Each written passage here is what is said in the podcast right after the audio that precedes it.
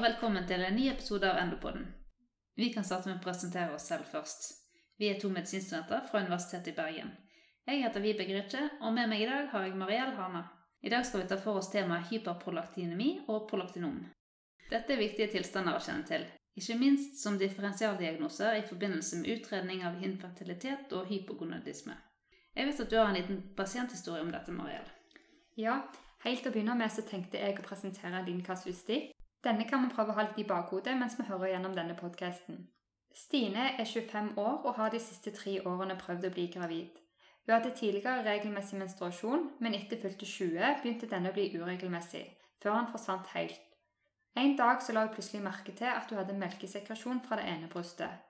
Stine tolkte dette som at hun var gravid, og ble veldig skuffa når hun fikk tre negative graviditetstester. Derfor så oppsøkte hun legen sin. Videre utredning, diagnose og behandling kommer vi tilbake til litt seinere. Så først og fremst, hva er hyperprolaktinemi? Enkelt og greit så er det navnet på en tilstand der man har for mye prolaktin i blodet. Ok, da må jeg selvfølgelig spørre, hva er egentlig prolaktin? Prolaktin er et hormon som skilles ut fra hypofysens fremre lapp. Hovedfunksjonen til prolaktin er å stimulere melkekjertlene i brystvev. Prolaktin fører til at brystvevet vokser og modnes. Hormonet både starter og vedlikeholder melkeproduksjon. Et lite fun fact her er at de cellene i hypofysen som produserer prolaktin, som kalles laktotrope celler, vokser enormt med graviditet og gjør at hypofysen kan bli dobbelt så stor. Derfor har gravide og kvinner som ammer, høyere verdier av prolaktin. Under graviditeten hemmes melkeproduksjon av høye østrogen- og progesteronnivåer. Men når fødselen er overstått, faller disse verdiene, og prolaktin får på en måte overtaket, og derfor kan kvinnen begynne å amme. Så man kan altså si at gravide og ammende har fysiologisk forhøyet prolaktin. Hva er årsaken til at noen får patologisk forhøyet prolaktin? Det kan være flere årsaker. Den aller vanligste årsaken til hyperprolaktinemi er faktisk medikamenter. Dette er det viktig å ha i bakhodet hvis man oppdager et høyt prolaktinnivå hos en pasient. En annen årsak som vi velger å konsentrere oss mest om i denne podkasten, er at man kan ha en prolaktinproduserende hypofysesvulst. Disse kalles prolaktinomer. Ellers kan òg andre hypofysesvulster føre til hyperprolaktinemi, men dette kommer vi tilbake til.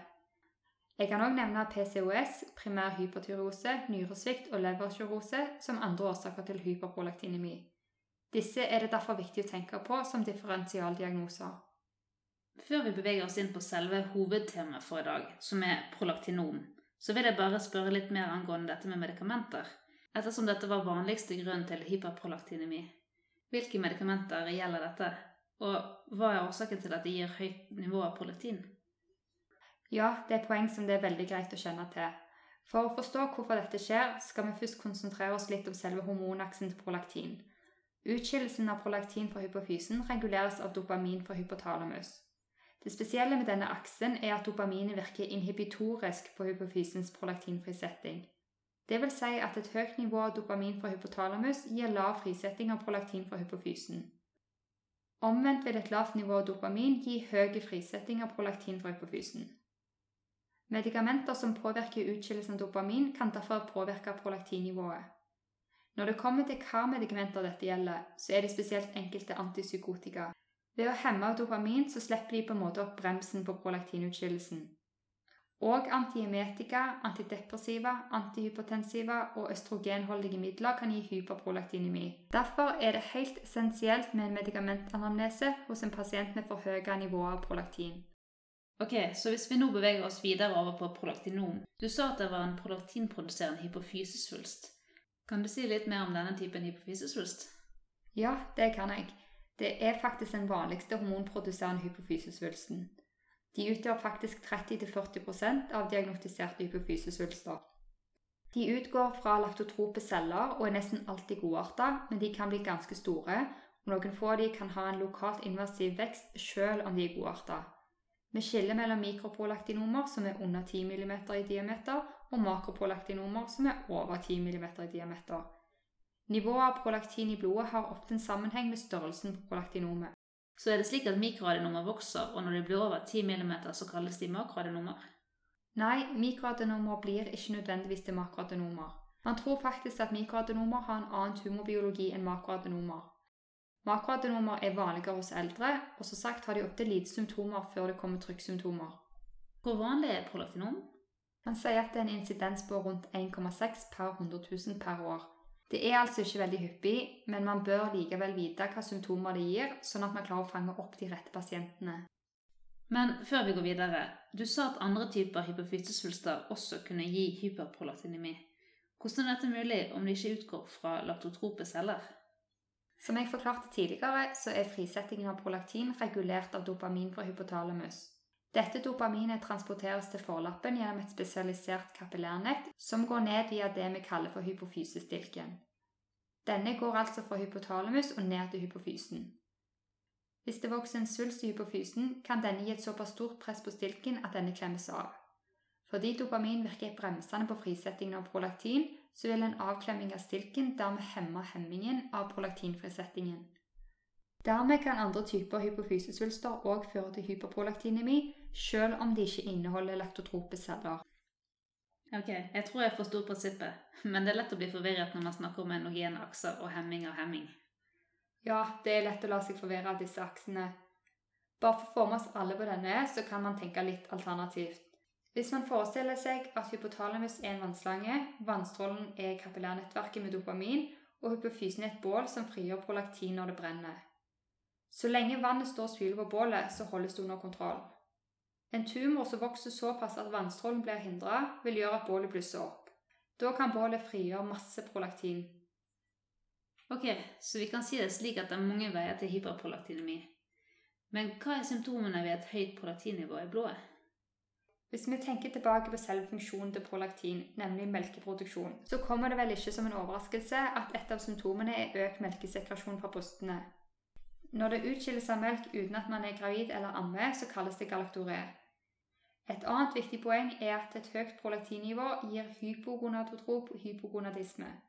I ordet hypogonadotrop hypogonadisme ligger det at effekten ligger sentralt. Høye nivåer av prolaktin hemmer nemlig sekresjonen av GNRH, som står for gonadotropin releasing hormone, fra hypotalamus. Dette gjør at man får hemma sekresjon av LHFSO fra hypofysen, som igjen påvirker gonadefunksjonen og senker utskillelsen av østradiol og testosteron. Derfor er måling av prolaktinivået essensielt ved fertilitetsutredning og utredning av menstruasjonsforstyrrelser, men òg ved impotens og lave testosteronverdier hos menn. Er det andre symptomer man bør være obs på dersom man mistenker at det er et prolaktinom som ligger bak et forhøyet prolaktinnivå? Det kommer litt an på størrelsen på prolaktinomet, Mikroprolaktinomene vil som regel ikke påvirke andre strukturer, og symptomene vil i hovedsak være knyttet til det høye nivået av prolaktin. Makroadenomer kan derimot bli ganske store og trykke på omliggende strukturer. Man bør derfor òg være litt obs på eventuelle synsfeltutfall, dobbeltsyn, hodepine og hypofysesvikt. Dette er litt greit å ha i mente når man tenker på ulike pasientgrupper. Man oppdager oftere mikroadenomer hos premenopausale kvinner fordi de utredes gjerne for infertilitet og menstruasjonsforstyrrelser, altså symptomer som er forårsaket av det høye prolaktinnivået. Hos eldre kvinner og menn derimot vil ofte ikke de høye nivåene av prolaktin gi særlige symptomer. De merker kanskje ikke noe til prolaktinomet før det presser på omliggende strukturer, og som nevnt f.eks. får synsfeltutfall eller hypofysesvikt. Hos premenopausale kvinner vil altså et høyt prolaktinnivå kunne senke sekresjonen av østrogen fra eggstokkene, og dette kan føre til menstruasjonsforstyrrelser og infertilitet. Men hva med unge menn? Gir et høyt prolaktinnivå noen symptomer hos de? Som sagt så kan et høyt prolaktinnivå føre til nedsatt testosteronproduksjon og nedsatt spermieproduksjon, som altså kan påvirke fertiliteten. Men lavt testosteron gir òg lavere energinivå, mindre libido, redusert muskelmasse og osteoporose. De kan òg oppleve impotens. Derfor er det greit å være litt på vakt hvis en mann kommer til legekontoret med disse typer problemstillinger. Utviklingen av f.eks. tap libido og impotens kommer gjerne veldig gradvis, og særlig eldre menn tar ikke alltid opp sånne problemstillinger spontant, men tenker kanskje at det er pga. alderen. Derfor er det viktig å spørre om disse symptomene ved mistanke om hypofysesykdom. Si at man da fikk en pasient på legekontoret der man pga. pasientens symptomer tar blodprøver og oppdager et forhøyet prolaktinnivå. Hva gjør man videre? Først og fremst er det veldig viktig å gjenta den målingen. Da vil vi helst ha pasienten inn til en fastende morgenprøve med minst mulig stress, fordi det kan påvirke prolaktinnivået. Selvfølgelig så må man òg utelukke eventuelt svangerskap hos kvinner. Hvis man påviser et forhøyet prolaktinnivå med den gjentatte prøven, så må man først og fremst få gjort en grundig anamnese. Hva som er viktig å få med her, avhenger litt av hva pasient man har foran seg. Hos premenopausale kvinner så er man opptatt av eventuelle menstruasjonsforstyrrelser og galaktoré. En annen viktig ting man spør om i denne forbindelse, er om kvinner har hatt noen lav energibrudd. For langvarig mangel på østrogen gir nemlig økt risiko for osteoporose. Hos menn er man opptatt av seksuell dysfunksjon, energinivå og eventuelt redusert muskelmasse og osteoporose. Hos begge kjønn er fertilitet sentralt, og ikke minst er det som sagt essensielt med en medikamentanamnese. Det er òg viktig å spørre om andre symptomer, som eventuelt kan tyde på hypofysesvikt eller synsforstyrrelser, men òg symptomer som kan tyde på at noe annet enn prolaktinom ligger bak. Det er òg lurt å gjøre noen supplerende labundersøkelser, der man måler LH, FSH, SHBG og østradiol eller testosteron avhengig av pasientens kjønn.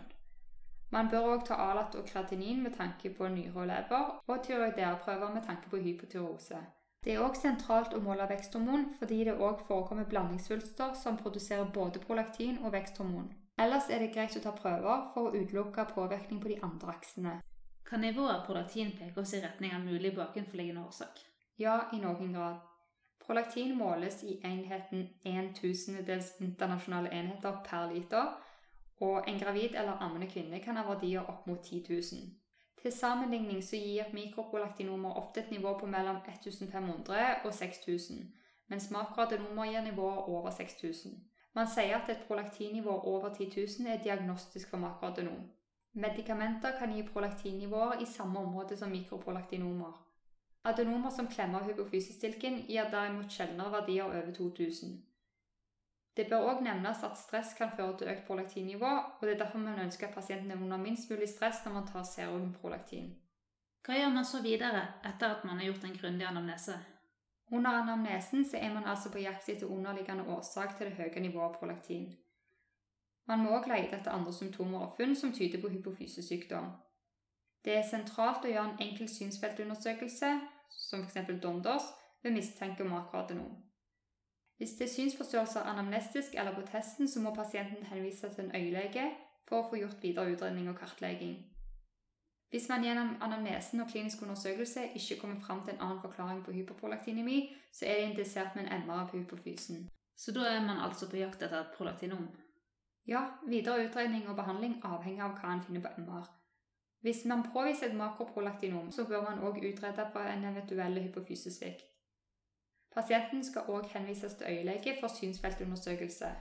Makroprolaktinomer har en tendens til å erodere bein. Derfor kan de vokse i alle retninger, både opp mot synsnavnkrysningen, ut til sidene til sinus carbonosus og hjernenervene der, eller ned i etmoidalus fenoidal sinus. Naturlig nok så vil innvekst i disse omliggende strukturene gi ulike symptombilder. Mikroadenomene vil derimot som sagt ikke ha gjort så mye lokale skader.